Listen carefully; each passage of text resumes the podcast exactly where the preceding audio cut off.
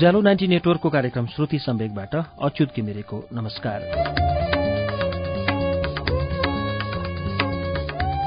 उज्यालो ninety network काठमाडौँसँगै देशभरिका विभिन्न FM स्टेशनहरूबाट एकैसाथ हरेक मंगलबार र शुक्रबार राति सवा नौ बजे कार्यक्रम श्रुति सम्वेक प्रसारण हुन्छ।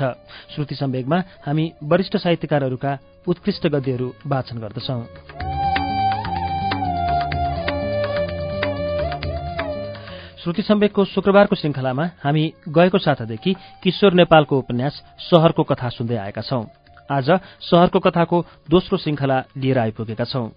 शहरको कथा उपन्यासको भूमिकामा किशोर नेपाल लेख्नुहुन्छ शहरको कथा मेरो तेस्रो उपन्यास हो। यसलाई मैले रिपोर्ताज शैलीमा लेखेको छु। ती जीवनका क्रूरतम सत्यहरूलाई अभिव्यक्त गर्न मसँग योभन्दा प्रभावशाली शैली अर्को थिएन। यसका पात्रहरू पक्कै पनि काल्पनिक हुन्। घटना मानिसका दैनिक चर्यासँग जोडिएका छन्। नयाँ र पुरानो हुने र नहुने तथा स्थापित र विस्थापित जीवनहरूको यो विवरण धेरैका लागि प्रीतिकर नलाग्न पनि सक्छ। यसो हुँदैमा यथार्थको स्वरूप बदलिने होइन भनी भूमिकाको पहिलो अनुच्छेदमा किशोर नेपाली लेख्नुभएको छ। किशोर नेपालको सहरको कथाको दोस्रो श्रृङ्खला अब वाचन सुरु हुन्छ।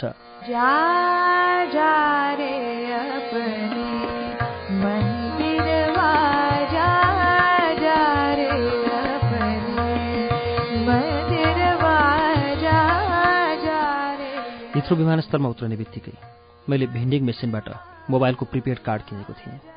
एक दुईजना चिने जानेका अङ्ग्रेजलाई फोन गर्नु थियो। एक दुईजना महत्त्वपूर्ण व्यक्तिहरूसँग सम्पर्क नवीकरण गर्नु थियो। आजको जमानामा त्यो पनि नेपालमा पब्लिक रिलेसनको काम गर्ने म जस्ताका लागि विदेशीसँगको सम्पर्क महत्त्वपूर्ण हुन्थ्यो। त्यस्तो सम्पर्क बिना कान्तिपुर सहरमा इज्जत र प्रभावका साथ बस्नु कठिन थियो। मैले एकैछिन अघि आएको मेसेज र पठाउने मान्छेको अनुहार सम्झेँ। विगत केही महिनादेखि अरोजा मसँग निकै रिसाएकी थिए। उसलाई एउटा राम्रो जागिर चाहिएको थियो। त्यो पनि इन्टरनेसनल एजेन्सीहरूमा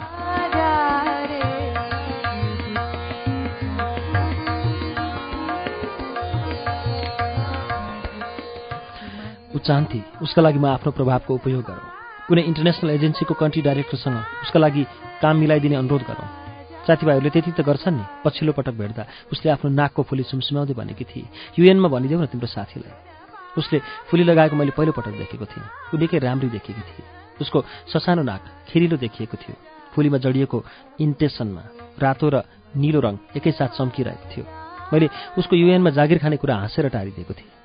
मैले उसको फुलीको तारिफ गर्न थालेपछि ऊ मसँग झन् रिसाएकी थिए। मेरो समस्यालाई कहिले सिरियसली लिनु भएन कि तपाईँले? तपाईँ यदि दुष्ट हुनुहोला भन्ने मैले सोचेकै थिइनँ। स्वास्नी मानिसलाई पुतली जस्तो खेलाइराख्न चाहनुहुँदो रहेछ तपाईँ।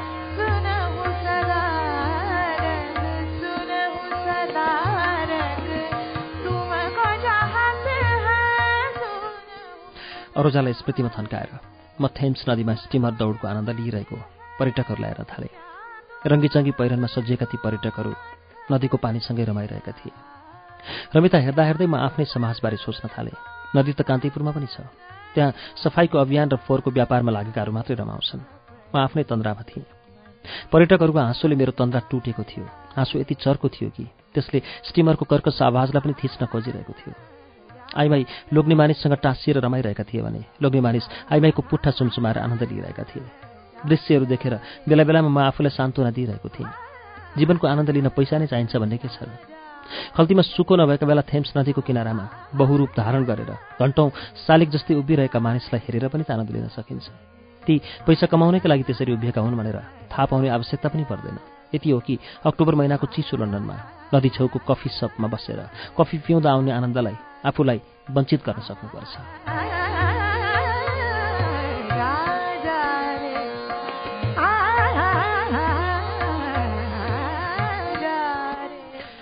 म तरङ्गमा डुबेको नब्बे मिनटको अन्तरालमा अरोजाको अर्को मेसेज आइसकेको थियो।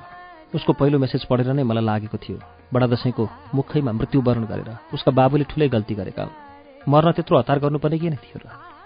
दसैँ सकिएपछि सुविस्ता साथ मरेको भए पनि त हुन्थ्यो। तर मृत्यु अरुजाको बाबुको बसमा थिएन। मृत्यु स्वयंले दसैँ र तिहार चिनेको पनि थिएन होला। दोस्रो मेसेजमा उसले लेखेकी थिए मेसेज त पक्कै पायो होला तर न सान्त्वनाको एक शब्द लेख्यौ न समवेदना नै दियो।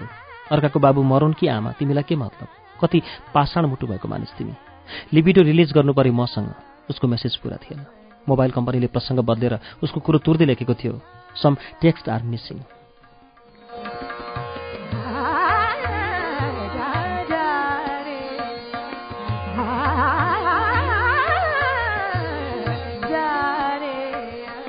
मेरो हिसाबले पनि कुरो टुङ्गिसकेको थियो।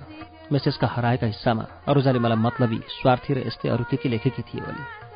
सहरमा पाषाण मुटु भएका मानिसको कमी पक्कै थिएन। मैले अनुमान लगाएँ उसले यस्तो मेसेज अरूका साथीहरूलाई पनि पठाएको हुनुपर्छ। कान्तिपुर फर्किएपछि मलाई आफ्नो अनुमान सही रहेछ भन्ने थाहा भयो। उसले यस्ता मेसेज आफूले घनिष्ठ ठानेका सबैलाई पठाएकी रहेछ। उसँग शरीर सम्पर्कका अन्तरङ्ग कुरा गरेर लिबिडो रिलिज गरेका आरोप मलाई मात्र लगाएकी हुनुपर्दछ। बेइमान केटी मैले त उसँग रतीको शाब्दिक खेल मात्र खेलेको थिएँ। उसलाई साँच्चैकै अर्ग्याजमको उत्कर्षमा अर्को कसैले पनि पुऱ्याएको थियो होला कान्तिपुरमा भएको भए उसको बाबु मरेको सुन्ने बित्तिकै म उसलाई कल गर्ने थिएँ। उस्तै पर्दा उसलाई आफ्नै गाडीमा भैरवा पनि पुऱ्याइदिने थिएँ होला। तर आफै लन्डनको भिडभित्र एक्लै हराएका बेला मेसेजको त के कुरा? उसको सम्झना समेत बोजिलो र अनिश्चित भइसकेको थियो मेरो लागि।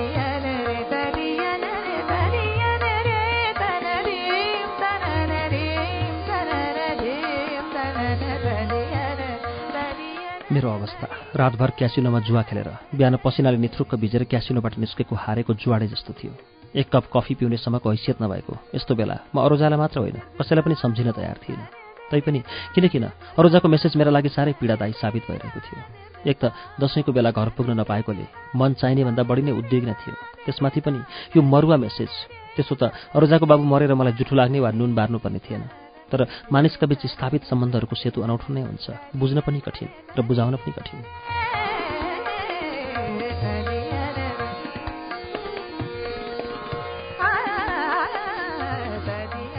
त्यो केटीले आफ्ना आमा बाबुका बारेमा मसँग कहिले पनि राम्रोसँग चर्चासम्म पनि गरेकी थिइनँ बाबुआमाको प्रसङ्ग आउने बित्तिकै ऊ एकदमै सचेत हुन्थे र कुरा उछिट्याइहाल्थे एकपटक कुरै कुरामा आमा बाबु बीच बेला बेलामा हुने भनाभनका कुरा खुस्काउन मात्र खोजेकी थिए। कसो कसो बिचैमा रोकिहाली। उसले मसँग सधैँ आफ्नै मात्र कुरा गरे। उसको चासो ऊ आफैसम्म मात्र थियो। संसारमा ऊ मात्रै समस्याहरूको पहाडले थिचिएकी जस्तै। उसलाई आफ्नो शरीरसँग अचाक्लै प्रेम थियो। ऊ आफूलाई सहरकी सर्वोत्तम सुन्दरी जस्तो थिए। थेम्स किनाराको कडा चिसो कफीको चाहना र चुरोटको तृष्णामा एकैपटक गाजिएर म नदी किनाराको एउटा बेन्चमा तन्दिरहेको थिएँ।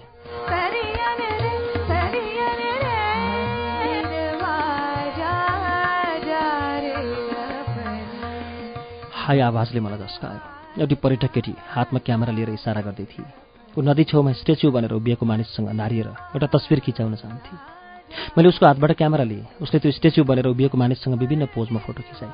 एउटा पोजमा स्ट्याच्युले उसलाई अँगालो मार्यो। केटी उत्पात खुसी भए तस्विर खिच्ने रहर पुरा गरेपछि उसले मेरो हातबाट क्यामेरा लिएर भने थ्याङ्क यू उसले स्ट्याच्युको हातमा केही पाउन्ड राखिदिए। स्ट्याच्युले थ्याङ्क यू भन्यो र फेरि आफ्नो पुरानै नाटकीय पोजमा फर्कियो। मैले सोचेँ मोरीले मलाई पनि एक कप कफी पिलाएकी भए त हुन्थ्यो नि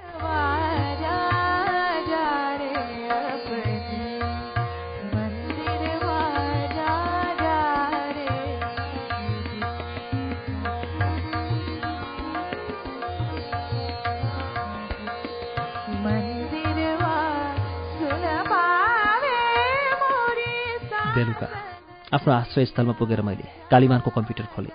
त्यसपछि आफ्नो इमेल एकाउन्टबाट एउटा साह्रै फर्मल इमेल लेखेँ। प्रिय अरोजा तिम्रो बुबाको निधन भएको थाहा पाएर म साह्रै दुःखी र द्रवित भएको छु। कान्तिपुरमा भएको भए म तिम्रो साथ दिने थिएँ। अहिले म विदेशमा छु। तिमीलाई यो दुःख सहने शक्ति मिलोस्। तिम्रो बुबाको आत्मा शान्तिको मार्गमा लागोस्। मैले पठाइसकेपछि मलाई लाग्यो अरोजासँगको मेरो सम्बन्ध यति पात्रो र यति फर्मल हुनै सक्दैन। उसँगको मेरो सम्बन्ध छोटो समस्या समयमा जति बाक्लिएको थियो त्यस हिसाबले यो मेसेज पर्याप्त थिएन। उसलाई आफ्नो शरीरसँग टाँसेर आनन्द लिन नपाए पनि मैले धेरै पटक शाब्दिक रतिरागको आनन्द लिएको थिएँ। उसैको बोलीमा बोल्दा ऊ मार्फत आफ्नो लिबिडो पटक पटक मैले रिलिज गरेको थिएँ।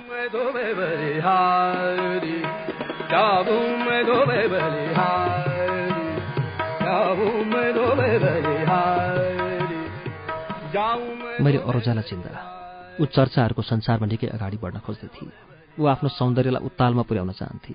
सहरको एउटा कुनोदेखि अर्को मोडसम्म लगातार स्विङ गर्दै थिए त्यो केटी। प्लस टू पास गरेपछि उसको आत्मविश्वासले ठुलो फड्को मारेको थियो। चिनी जानेका सबैले उसलाई कति राम्री भनेर फुरुङ्ग पारिदिन्थे। नाम चलेका मानिससँग परिचित हुन ऊ लाज मान्दैनथे।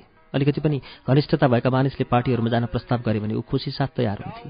त्यस्ता पार्टीहरूमा उसँग भेटिने सहरका व्यक्तित्वहरू उसको चोखो शरीरसँग लोभिने गर्दथे। सहरमा त्यतिखेर पार्टीहरू निकै हुने गर्दथे। प्रजातन्त्र आएपछि मानिसहरूसँग पैसा थियो र समाजमा प्रतिष्ठित हुने महत्वाकांक्षा पनि त्यत्तिकै बढेको थियो। यस्तै कुनै पार्टीमा कान्तिपुरको एउटा घागडान फोटोग्राफरको आँखामा चढेकी थियो। फोटोग्राफरले मित्रताको हात बढाएपछि उद्दङ्ग परेकी थिए फोटोग्राफर सधैँ फ्रेस मोडलहरूको खोजीमा हुन्थ्यो। अरूजा फ्रेस थिए छिटो चर्चामा आउने चाहनाले थिचेको थियो उसलाई।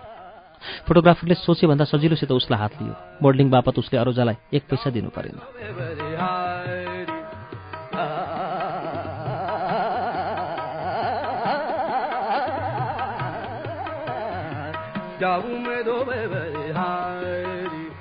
फोटोग्राफरले निकै चलाखीका साथ थोरै कलात्मक र बढी बिकाउ हिसाबले अरूजालाई आफ्नो क्यामेरामा समेटेको थियो।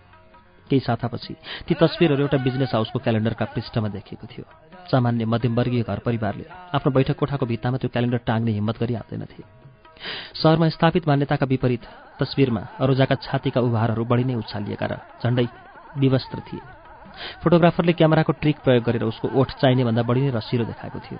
बजारमा खुब चल्यो उसको तस्विरको त्यो क्यालेन्डर। अरोजाले पिन अफ गर्लका रूपमा आफूलाई स्थापित गरे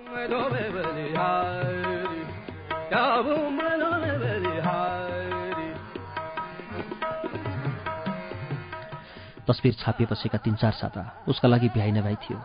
कान्तिपुरका विभिन्न बिजनेस हाउसका राजकुमारहरूको आँखामा चढेकी थियो। सबै राजकुमारहरू उसँग डाइरेक्ट एक्सेसका लागि हतारिएका थिए। सबैले आफ्नो मोबाइल नम्बर र इमेल आइडी उसको पहुँचमा पुर्याइसकेका थिए। उसले ती नम्बर र आइडीहरूलाई जतिनसाथ समेटेर राखेकी थिए। राजकुमारहरू उसँग डेटिङका लागि तछाड मछाड गर्दै थिए। उसले राजकुमारहरूको डेटिङको निम्ति स्वीकार गरिसकेकी थिएन। ऊ यस्तै उत्तालमा रहेको बेला मैले उसलाई भेटेको थिएँ। पहिलो भेटमा उसको अनुहार देखेर मलाई लागेको थियो यस्तै झ्यास केटी पनि मोडेल। झट्ट हेर्दा ऊ राम्री थिएन। मेरो नजरमा उसको पारा कोर्काली थियो अलिकति गाउँले र अलिकति सहरिया। ऊ अलिकति नरम देखिन्थे। कता कता कडा हुन पनि खोज्दथे। बेला बेलामा बाक्यपछि अमिलदा र खस्ता शब्दहरूको बढी नै प्रयोग गर्ने गर्दथे।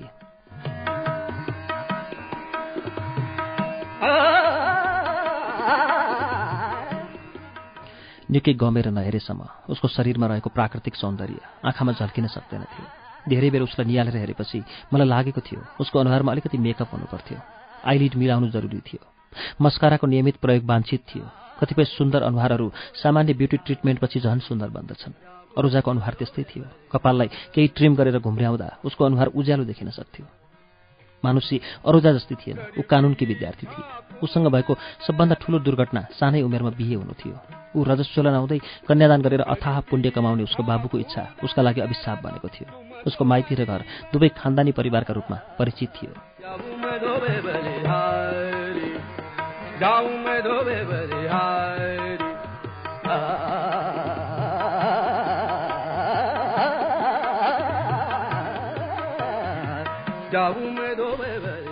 मानुषीका देवर जेठाजुहरू विभिन्न व्यवसायमा लागे पनि उसको लोग्ने दुर्लभ कुमारले खानदानको इज्जत धान्न सकेको थिएन।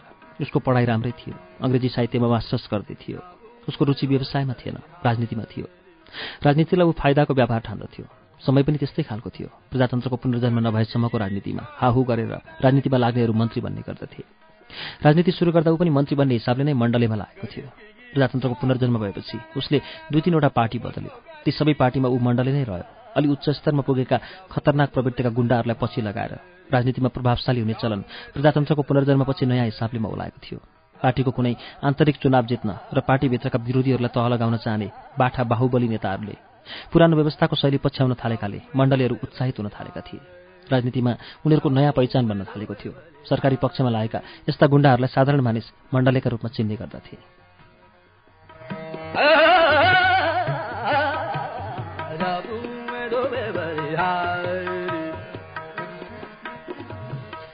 दुर्लभ कुमारको तराईमा थुप्रै जग्गा थियो र आम्दानी पनि मनग्य थियो। ऊ आफै चाहिँ कुनै काम गर्दैन थियो। राजनीतिमा लागेर पनि उसले खासै उपलब्धि हासिल गर्न सकेको थिएन।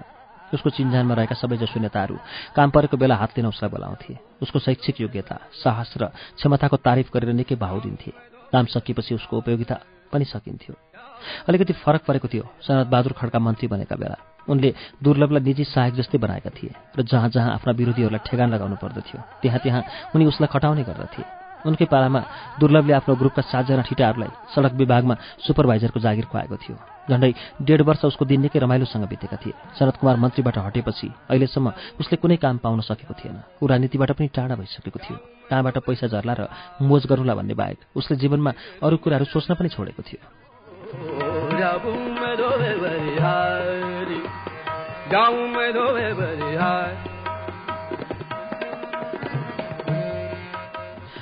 लोग्नेको अवस्थाले मानुष्यलाई धेरै दुःखी तुल्याएको थियो।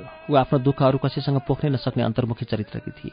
ऊ अरू कसैले आफ्नो लोग्नेको बारेमा कुरा काटेको पनि सहन सक्दैनथे।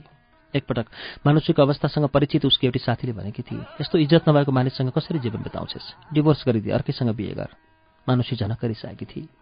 बिहे गरेको पाँच वर्ष नबित्दै उसले दुई बच्चा जन्माइसकेकी थिए। उसले डिभोर्स गरेर अर्को बिहे गर्दा यी बच्चाहरूको भविष्य के होला?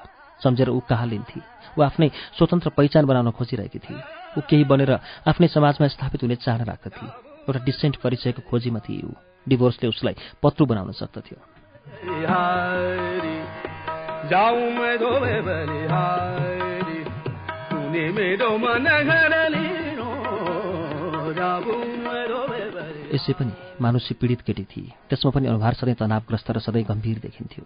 उसको अनुहारमा हाँसो देख्नु असम्भव नै हुन्थ्यो। कुनै बेला ऊ एकदमै रिसाएकी जस्तै देखिन्थे। सबभन्दा बढी ऊ त्यतिखेर रिसाउने गर्दथे जब उसको लोग्ने साथीहरूलाई लिएर दिउँसै घर पस्दथ्यो। उसलाई मासु बोट्न लगाउँदथ्यो। पढ्दा पढ्दैका कानुनका किताबहरू धन्क्याएर मानुषी मासु बोट्न थाल्दथे। लोग्ने साथीहरूसँग बसेर रक्सी पिउन थाल्दथ्यो। लोग्नेकै अगाडि केटाहरू देवर किस्का भावीका भन्दै उसलाई जिस्काउँथे। मानुषी केही बोल्दिनथे रक्सीको माथ चढ्दै गएपछि स्वास्नीलाई तमासा बनाएर दुर्लभ कुमार झन रमाउँथ्यो मानुषी त्यतिखेर एकदमै घिनाउँथे लोग्नेसँग र कसैले नसुन्ने गरी आफैसँग बडबडाउँथे। आफ्नै स्वास्नीलाई रेप गराएर पनि आनन्द लिन सक्छ होला। कस्तो हिजडा।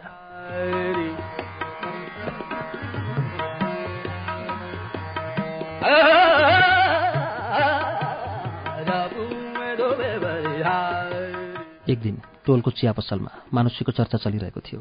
मानुष्य त बेलायत जाने भएछ नि। उसले बेलायत सरकारको छात्रवृत्ति पाएछ। चिया चर्चामा मानुष्यको नाम सुनेर मेरा कान ठाडा भएका थिए। मानुष्यसँग मेरो राम्रै परिचय थियो। बेला बेलामा ऊ आफूले तयार पारेका लेखहरू सम्पादनका लागि म कहाँ पठाउँथे। लेख्ने विषयहरूका बारेमा सुझाव माग्दथे। म उसलाई मद्दत गरेर खुसी हुन्थेँ। पछिल्लो समयमा ऊ नेपालका गाउँले महिलाहरूको कानुनी हैसियतको वास्तविक पहिचान स्थापित गर्ने उद्देश्यले अनुसन्धानमा लागेकी थिए। ऊ यसै विषयमा डक्टरेट गर्न चाहन्थे। उसले बेलायती विश्वविद्यालयमा प्रस्तुत गरेको अनुसन्धान प्रस्ताव तयार पार्न पनि मैले सघाएको थिएँ। त्यसैले पनि मानुषीले छात्रवृत्ति पाएको खबरले मलाई बढी नै खुसी तुल्याएको थियो। त्यस बिहानको चिया चर्चामा अर्को आवाज पनि सुनिएको थियो। अब त्यसो भए ऊ फर्किन्न। हेरिरहनु। ज्यान गए पनि फर्किन्न।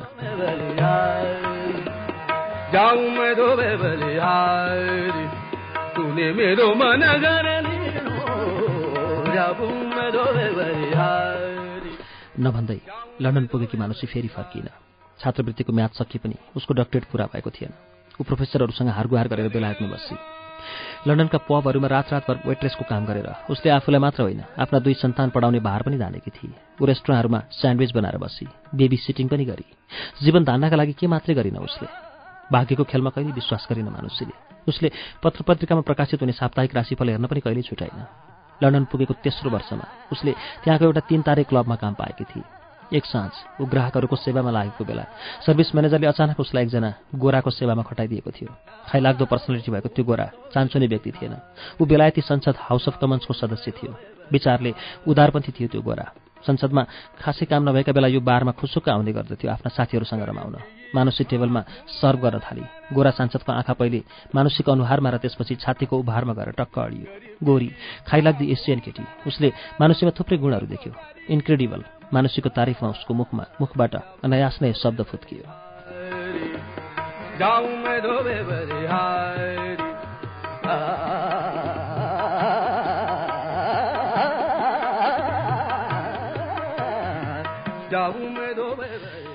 मानुषीको आकर्षण चर्को थियो सांसदका लागि।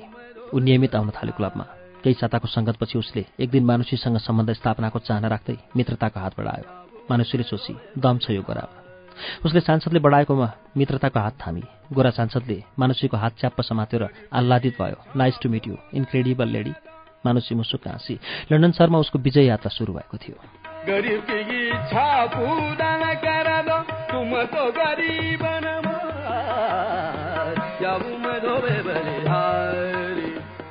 मानिसहरू आइमाईसँग सम्बन्ध राख्न रुचाउँछन्। यो नयाँ कुरा होइन। नयाँ कुरा त त्यसपछि मानुषीको स्वभावमा आएको परिवर्तन थियो। मानुषीले आफूले ओढेका परम्पराको घुम्टो एकैचोटमा सर्लक्क उगारेर फ्याँकिदिएकी थिए। अचानक ऊ मध्ययुगीन समाजबाट आधुनिक युगतिर हानिएकी थिए। उसले एकै फड्कोमा उन्तिस हजार फिट अग्लो सगरमाथाको चुचुरो नागेकी थिए। मानुषीले पुरुषहरूलाई आकर्षित गर्न सक्ने नखराहरू जानेकी थिएन। उसमा सम्बन्धहरूको संवेदनशीलता बुझ्ने क्षमता र ज्ञान थियो। उसलाई राजनीतिको अन्तर्कुन्तरमा चल्ने सङ्केत र इसाराहरूको पनि राम्रो जानकारी थियो। उसले लन्डनका अखबारहरूमा बेलायती संसदका दिग्गज सदस्यहरूलाई रसातलमा धकेल्न सफल युवतीहरूका थुप्रै कथाहरू पढेकी थिए। एकताका ऊ पामेलाको कथा खोजी खोजी पढ्थे ऊ कसैलाई पनि रसातलमा घचिटेर चर्चामा आउन चाहन्नथे।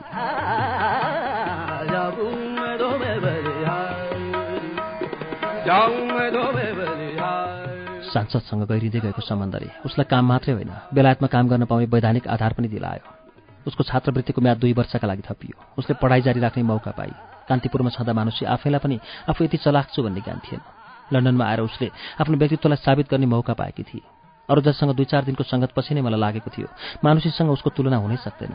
मानुषी पन्ध्रै वर्षको उमेरमा स्वास्नी मानिसका रूपमा विकसित भइसकेकी थिए। अरूजा बाइस वर्षको उमेरमा आएर बल्ल यौवनको सिँढी उक्लिँदै थिए। गहिरेर हेर्दा ऊ बाइसकी जस्तै पनि लाग्दैन थिए म्याच्योर देखाउनका लागि मात्र उसले आफूलाई बाइस वर्ष भन्ने गरेकी हो कि जस्तो पनि लाग्दथ्यो। दुवैका बीचमा कुनै समानता थियो भने दुवैले लोग्ने मानिसको स्वाद चाखिसकेका थिए।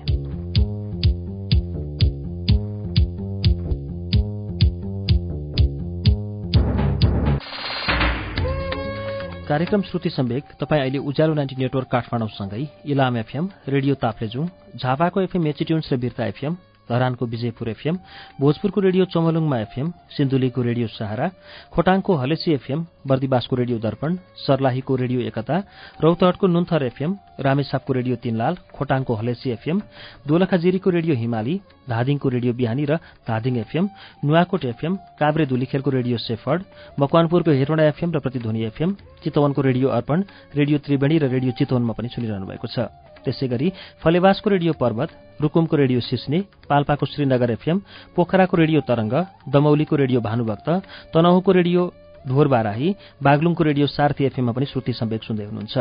रेडियो प्युठान दाङको रेडियो मध्यपश्चिम बुटवलको तिनाउ एफएम र बुटवल एफएम गुल्मीको रेडियो रेसुङ्गा कपिलवस्तुको रेडियो बुद्ध आवाज रेडियो कोवलपुर सल्यानको रेडियो राप्ती जाजरकोटको रेडियो हाम्रो पाइला कैलाली टिकापुर र गुलरियाको फुलबारी एफएम दाङको रेडियो प्रकृति एफएम सुर्खेतको रेडियो भेरी जुम्लाको रेडियो कर्णाली र कालीकोटको रेडियो नयाँ कर्णालीबाट पनि अहिले एकैसाथ श्रुति सम्वेक प्रसारण भइरहेको छ। श्रुति सम्वेकमा हामी आज किशोर नेपालको उपन्यास शहरको कथाको वाचन सुनिरहेका छौं। यसको बाँकी अंश अब वाचन सुनौ।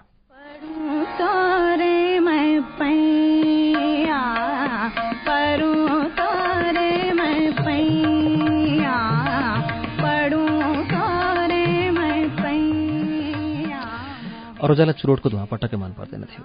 मेरो हातमा चुरोट देख्ने बित्तिकै ऊ इरिटेट हुन्थे। मलाई ऊ इरिटेट भएको रमाइलो लाग्थ्यो। उसलाई अझै इरिटेट तुल्याउन म चुरोटको धुवालाई गोलो बनाएर उतिर फुकिदिन्थेँ। ऊ अलिकति रिसाउँथे र हातले धुवालाई हटाउने प्रयास गर्दै भन्थे तपाईँ चुरोट नपिउनुहोस् चुरोटले खराबी गर्दछ भन्ने तपाईँलाई थाहै छ। चुरोटको धुवाले मलाई जिस्काउने काम नगर्नुहोस् न। मलाई त यो चुरोटको धुवादेखि नै एलर्जी छ।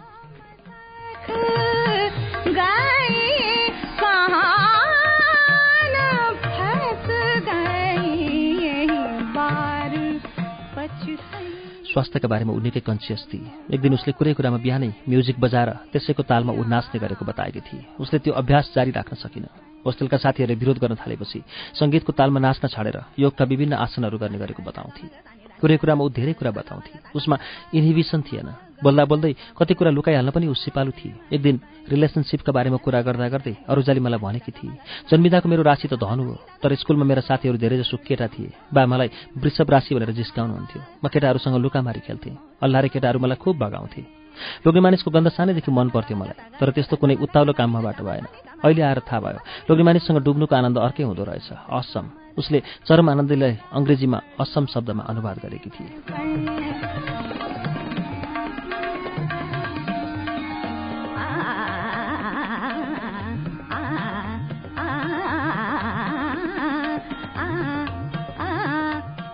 उसले एकाएक यस्तो कुरा गरेपछि मभित्र स्वाभाविक रूपले उसँग देह क्रीडाको लोभ जागेको थियो।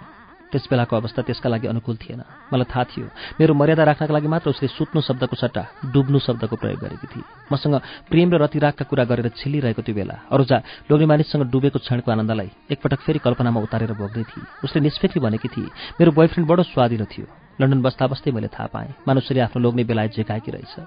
छोराछोरी पनि बाबुसँगै लन्डन आएछन्। यहाँ आएपछि मानुष्यको लोग्ने सुध्रिन थालेको रहेछ। मानुष्यको घर व्यवहार पनि उसैले सम्हालेको रहेछ। आफ्नो पिएचडी सकेर मानुषी लन्डनको सामाजिक जीवनमा व्यस्त हुन थालेकी रहेछ। आफ्नो सफलतामा मक्क परेकी मानुषी लन्डनको नेपाली समुदायमा पनि निकै लोकप्रिय रहेछ।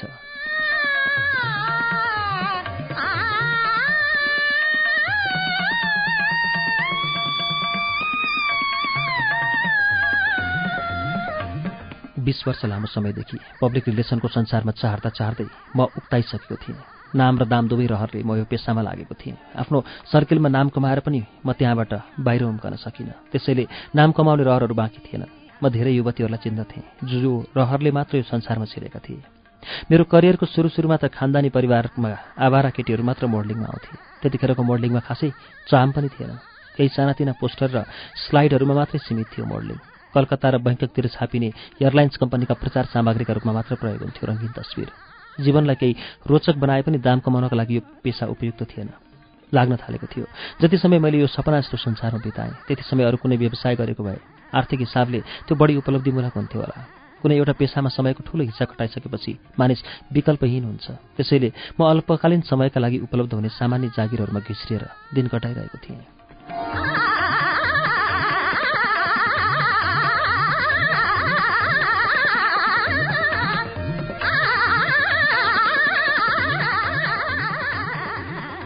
स्थापित सत्ताका विरोधी र हिंसात्मक आन्दोलनमा लागेका विद्रोहीहरूका बीच सहमतिको राजनीति सुरु भएपछि देशमा हिंसाको राप कम हुने सङ्केत आउन थालेको थियो। मैले मोडलिङ र डिजाइनिङको कामबाट आफूलाई रिसर्च र इन्भेस्टिगेसनको काममा केन्द्रित गरेको थिएँ।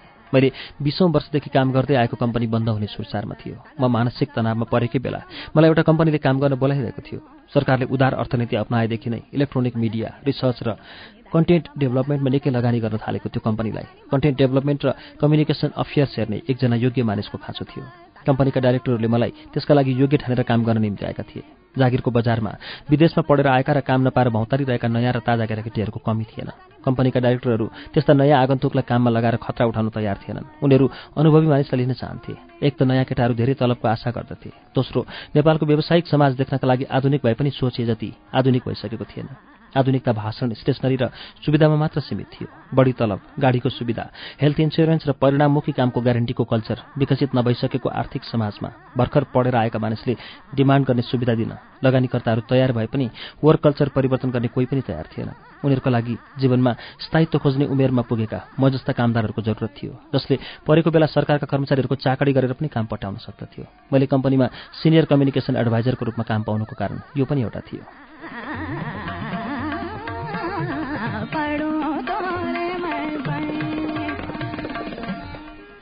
मैले काम सम्हाल्ने बित्तिकै बधाई सन्देशको ओहिरो लागेको थियो। कम्पनीसँग कुनै न कुनै रूपले सम्बन्धित मानिसहरूले मेरो योग्यताको प्रशंसा गर्दै चिठी र इमेलहरू पठाएका थिए। मलाई सम्झना छ त्यति बेला आएको पहिलो इमेल अरू जाकै थियो। फेन्सी शब्दहरूको फुलबुट्टा जलेर बधाई दिँदै उसले लेखेकी थिए सर तपाईँको अफिसमा मलाई पनि काम दिनुहुन्छ कि?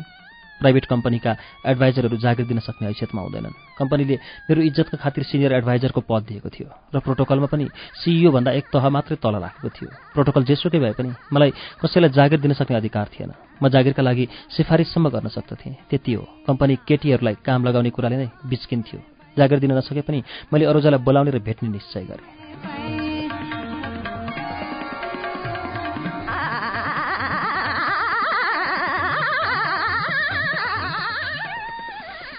उसलाई चिने पनि उसलाई नजिकबाट हेर्ने र उसको व्यक्तित्वको परख गर्न रोबिएको थिएँ म। अरू जसँग सामिप्यको दमित इच्छा पनि थियो मभित्र कामको मामिलामा केटीहरूमा उत्तरदायित्वको भावना बढी पाइने हुनाले म केटीहरूसँग बढी हिमसिम बढाउन चाहन्थेँ। तैपनि परिस्थिति सधैँ एकनाशको रहँदैन मैले काम गर्न चाहने केटीहरूको एउटा नेटवर्क नै बनाएको थिएँ। त्यसैलाई इस्यु बनाएर मेरा विरोधीहरूले मलाई वुमनाइजर र प्ले बोय भन्नसम्म पनि बाँकी राखेका थिएनन्। ती दुवै गुण ममा थिएनन्। सत्य अलिकति बेग्लै थियो। व्यक्तिगत रूपमा म आइमाईहरूको चरित्रको अध्ययनमा निकै रुचि राख्दथेँ आइमाईका बारे मभित्र अनन्त जिज्ञासाहरू थिए। त्यस्तो जिज्ञासा कसमा हुँदैन र?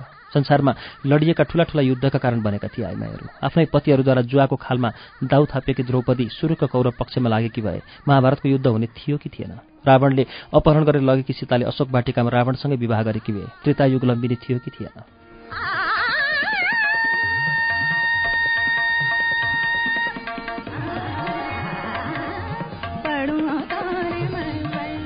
संसारका ठूला घटनाहरूको निर्माणमा आइमाईहरूको नाज र नखराको ठूलो प्रभाव रहेको छ।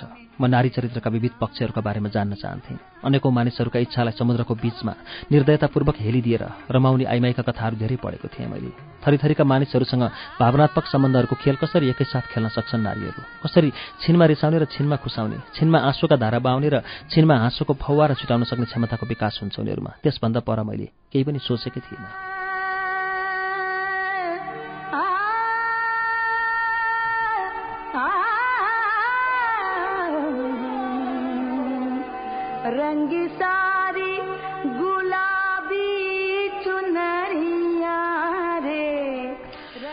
सहरको सबैभन्दा व्यस्त सडक पुतली सडकको इन्टरसेक्सनमा पर्खिरहेकी थिए। यो ठाउँमा तरकारी किन्न आउने स्थानीय मानिसको घुइँचो लाग्दथ्यो मुख्य बजारको आउटलेट बनेको मूल सडक यहाँसम्म एकतर्फी भएकोले चोक आइपुगेपछि ट्राफिक जाम नभए त्यो घटना सायंकालीन अखबारको मुख्य समाचार बन्दथ्यो उत्तरदेखि दक्षिणसम्म तन्किएको सडकको हैसियत निकै माथिल्लो खालको थियो। सरकार प्रमुखको कार्यालय र निवाससँग जोडिने त्यो सडकमा यातायात अविरल चलिरहन्थ्यो भने पूर्वदेखि पश्चिमसम्म तनक्क तन्किएको एकतर्फी सडकको बायाँपट्टिको फुटपाथमा असरल फैलिएको थियो तरकारी बजार। सडकका पेटीलाई सुधार गरेर जनताका लागि सुविधा बढाउन नसकेपछि अधिकारीहरूले तरकारी बजारलाई अवैधानिक मान्यता दिएका थिए। तरकारी बेच्ने पसलेहरूबाट दिनहुँ दुई चार सय रुपियाँ उठ्न थालेको थियो। त्यसबाट नगरपालिकाका कर्मचारीहरूले परिवारका लागि अलिकति सुविधा बढाउन सकेका थिए।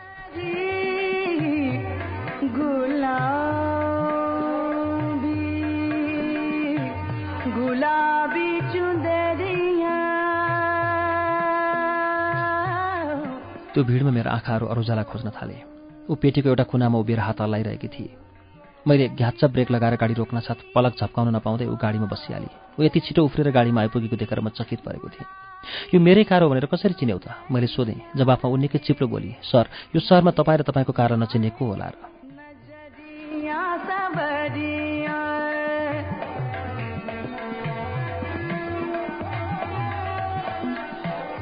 गाडीमा बस्ने बित्तिकै अरोजा गुनगुनाउन थाली। मलाई थाहा पाउन बेर लागेन। ऊ कविता र सायरीको शौखिन छे। उसलाई केही उर्दू र अरबी शब्दहरूको ज्ञान पनि छ। नयाँ मानिससँग कुनै वाक्य बोल्दा चलनचल्तीका गीत र गजलहरूमा प्रयोग हुने एक दुई शब्द मिलाएर त्यसलाई आकर्षक बनाउन खोज्ने उसको बानी नै भइसकेको छ। मैले उसलाई सहरको एउटा नामुद रेस्टुराँमा लगेँ। महँगो भए पनि त्यहाँ खानेकुरा निकै धेरै थिए र मिठो पाइन्थ्यो। त्यसबाहेक लामो समयसम्म गफ गरेर बस्ने वातावरण पनि थियो त्यहाँ। खाने बित्तिकै बिल ल्याएर ग्राहकहरूलाई धपाइहाल्ने चलन थियो। अरूजा पहिलोपल्ट आएको थियो यो रेस्टुराँमा। थाहा पाएर मलाई आश्चर्य लागेन। बाहिरी जिल्लाबाट सहरमा पढ्न आएका विद्यार्थीहरू यति महँगो रेस्टुराँमा आउन सक्ने कुरै हुँदैन थियो।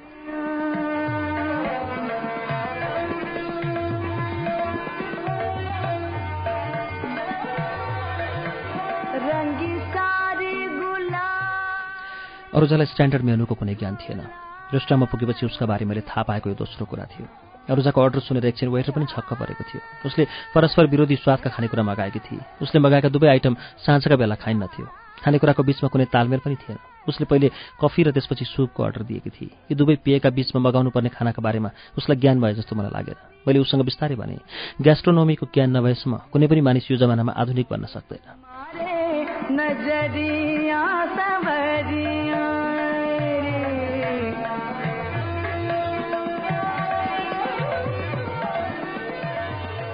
मेरो भनाइले ऊ अलिकति इरिटेट भई र भनी हुनु पनि परेको छैन आधुनिक। जति बेला आफूलाई जे मन लाग्छ त्यही खाने हो। कफी पिउँदा पिउँदै सुप खान मन लागेपछि के गर्नु त? खाना नजाने पनि अरूजालाई कुनै मौसममा कस्तो कपडा लगाउने भन्ने राम्रो ज्ञान थियो। उसलाई थाहा थियो छातीको माथिल्लो भागलाई अलिकति खुला छाडेर कसरी राम्री देखिन सकिन्छ। कुनै मौसममा स्कर्ट घुँडाभन्दा तल लर्किनु पर्दछ। कान्तिपुरको जाडोमा कसरी कम कपडा लगाएर तातो पाउन सकिन्छ?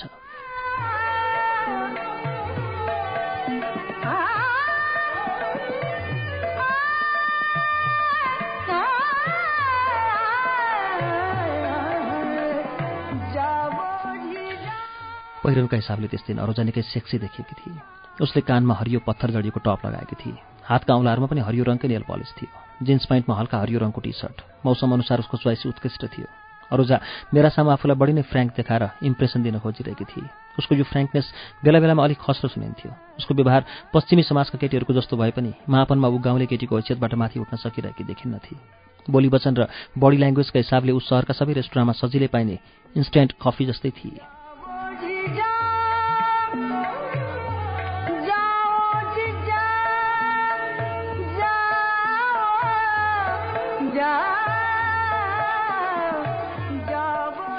यो भेटपछि हाम्रो भेटघाट बाक्लिन थालेको थियो। ऊ अनेक थरीका कुरा गर्दथे। उसको कुराको थिम उसकै समकालीन साथीहरू हुन्थे। आफू बाहेक उस आफ्ना सबै साथीहरूमा कुनै न कुनै खोट देखाएर आफ्नो श्रेष्ठता कायम गर्न खोजिरहेकी हुन्थे। म धेरैजसो उसका कुराहरू बुझ्दैन थिएँ। नयाँ जमानाका ठिटाठिटीहरूले कुराकानीको आफ्नै भाषा बनाएका थिए। कुरामा प्रयोग भएका सबै शब्दहरू नबुझे पनि म उसँग होमा हो गरिदिन्थेँ। यति छिटै र यति गहिरो ढङ्गले ऊ मेरो साथी बने कि सम्झेर कहिलेकाहीँ आफै विस्मित हुन्छु म। उसलाई थाहा थियो। म स्वास्थ्यका सम्बन्धमा एकरति जानकारी राख्दैनथेँ तैपनि ऊ आफ्नो स्वास्थ्यको एकदमै अन्तरङ्ग समस्याका बारेमा पनि मसँग प्रश्न सोध्न थालेकी थिए। ऊ कहिले मासिक श्रापको अवस्थामा पेट दुख्दा हुने पीडाबारे मलाई बताउँथे भने कहिले मासिक श्राप पछिका दिनहरूमा हुने कामोद्दीपनका कारण जान्न खोज्दथे। यस्तै कुनै दिन मैले उसँग सोधेको थिएँ। के तिमीले कुनै मानिससँग शारीरिक खेलको अनुभव गरेकी छौ?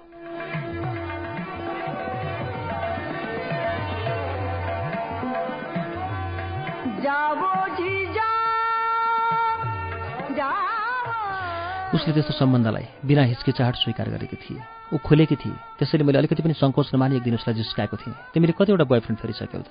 उसले मेरो प्रश्नलाई निकै गम्भीरतापूर्वक लिएर जवाफ दिएकी थिए। तिनवटा मात्रै हो तर स्वाद भने एउटाको मात्रै लिएकी हुँ।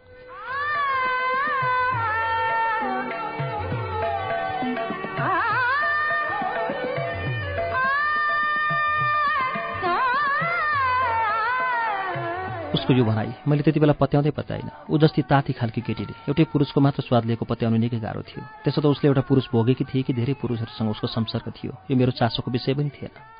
ऊ प्रायः कफी पिउन मन पराउँथे। कफी पिउनु सहरिया फेसनको एउटा अनिवार्य भाग बनिसकेको थियो। तर उसले स्वाद लिएर कफी पिएको मैले कहिले देखिनँ। कफी उसका लागि फेसन स्टेटमेन्ट जस्तै थियो। कफी कल्चरमा डुबेका सहरका केटाकेटीहरूको देखा सिकेमा मात्रै उसले कफी पिउने कुरा गरेकी हुन्थे। उसको अनुहारले नै बताउँथ्यो। उसको शरीरले क्याफिनको कडा महक होइन। मानिसको तिखो गन्ध खोजेको छ।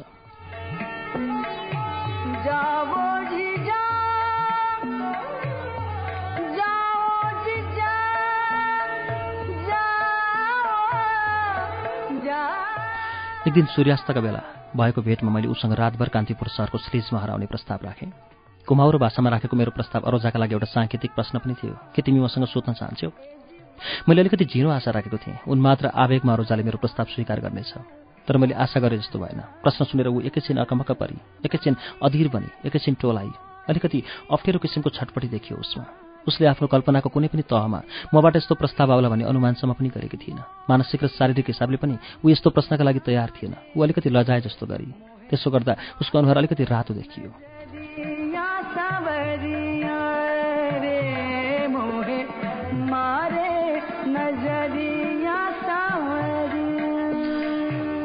उसको अनुहारको त्यो रातोमा अस्ताउँदो सूर्यले आफ्नो रातो रङको उत्तेजना थपिदिएको थियो अलिकति। उसले एकैछिन टाउको निहुराई त्यसपछि बिस्तारै भने बिन्दास भएर रातभर सहरमा हराउने इच्छा नभएको पनि होइन तर रात रहिरहँदैन। कतै न कतै पुगेपछि उज्यालो हुने बेलामा रातको केही हिस्सा त बिसाउनै पर्छ। कता कता तपाईँसँग एउटै ओछ्यानमा रात बिताउने मोहर नभएको पनि होइन तर म त्यसो गर्न सक्दिनँ। म तपाईँको सम्मान र आदर गर्छु। आफूले सम्मान र आदर गरेको व्यक्तिले मलाई टर्न अन गराउनै सक्दैन। तपाईँले किन बुझ्न खोज्नु? उसले बाँकी पुरा गरिन।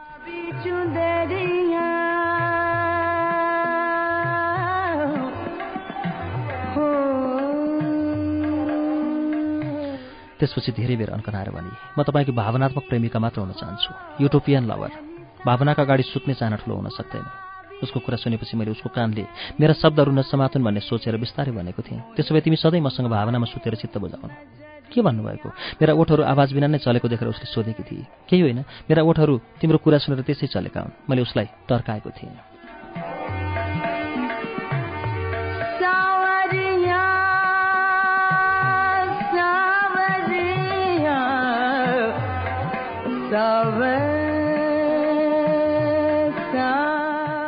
अरूजाका बारेमा मेरा मनका भ्रम र भ्रान्तिहरू छिट्टै भाँचिए केटी मैले सोचेभन्दा धेरै फास्ट थिएँ। हामी एक दिन कृष्ण मन्दिरको एउटा कुनामा बसेर परिवारको नाच हेर्दै थियौँ। एक बथान परेवा भक्तजनहरूले कृष्णजीलाई चढाउँदा छरिएका अक्षताका गिडाहरू खोज्दै थिए। एउटा सानो केटो हातमा एउटा ढक्की लिएर मन्दिरको चोकमा परिवार जिस्काइरहेको थियो। अरोजा लगातार बोलिरहेको थिए। उसको कुरामा मेरो खासै ध्यान गएको थिएन। म परिवारको खेलमा रमाइरहेको थिएँ।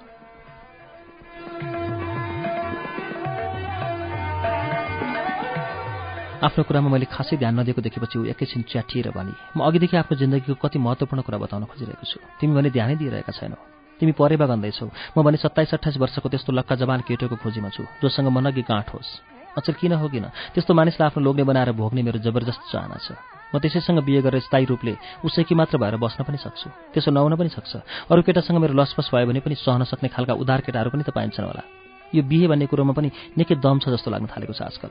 कसैसँग बिहे गरे भने अहिलेको जस्तो ससाना सुखका लागि समेत कल्पी कल्पी हिँड्नु त नपर्ला। जीवनमा अलिकति सुरक्षाको अनुभूति त होला।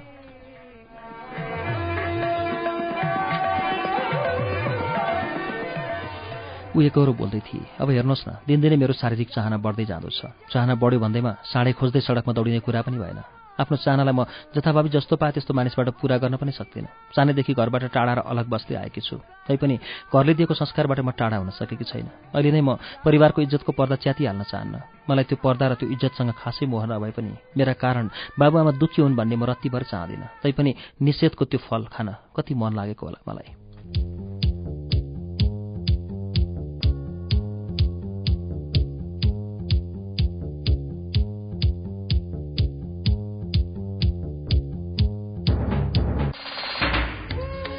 श्रुति सम्वेगमा अहिले हामीले सुनेको वाचन किशोर नेपालको उपन्यास सहरको कथाको वाचन हो। यसै वाचनसँगै अब आजलाई कार्यक्रम श्रुति सम्वेकबाट विदा लिने बेला भएको छ। विदा हुनुअघि हाम्रो ठेगाना कार्यक्रम Shruti Samvek Ujyalo ninety network post box number छ चार छ नौ काठमाडौँ। यदि तपाईँ इमेलबाट आफ्नो प्रतिक्रिया दिन चाहनुहुन्छ भने हाम्रो इमेल ठेगाना S H R U T I Shruti at UNN dot com dot NP हस्त अर्को साता सहरको कथाको तेस्रो श्रृङ्खला लिएर आउनेछौँ। त्यसअघि मङ्गलबारको श्रृङ्खलामा कृष्ण धरावासीको उपन्यास पाण्डुलिपिको वाचन हुनेछ। आजका लागि प्राविधिक साथी दिनेश निरौला सहकर्मी मण्टेश्वरी राजभण्डारी र म अच्युत घिमिरे विदा चाहन्छौ। शुभरात्री।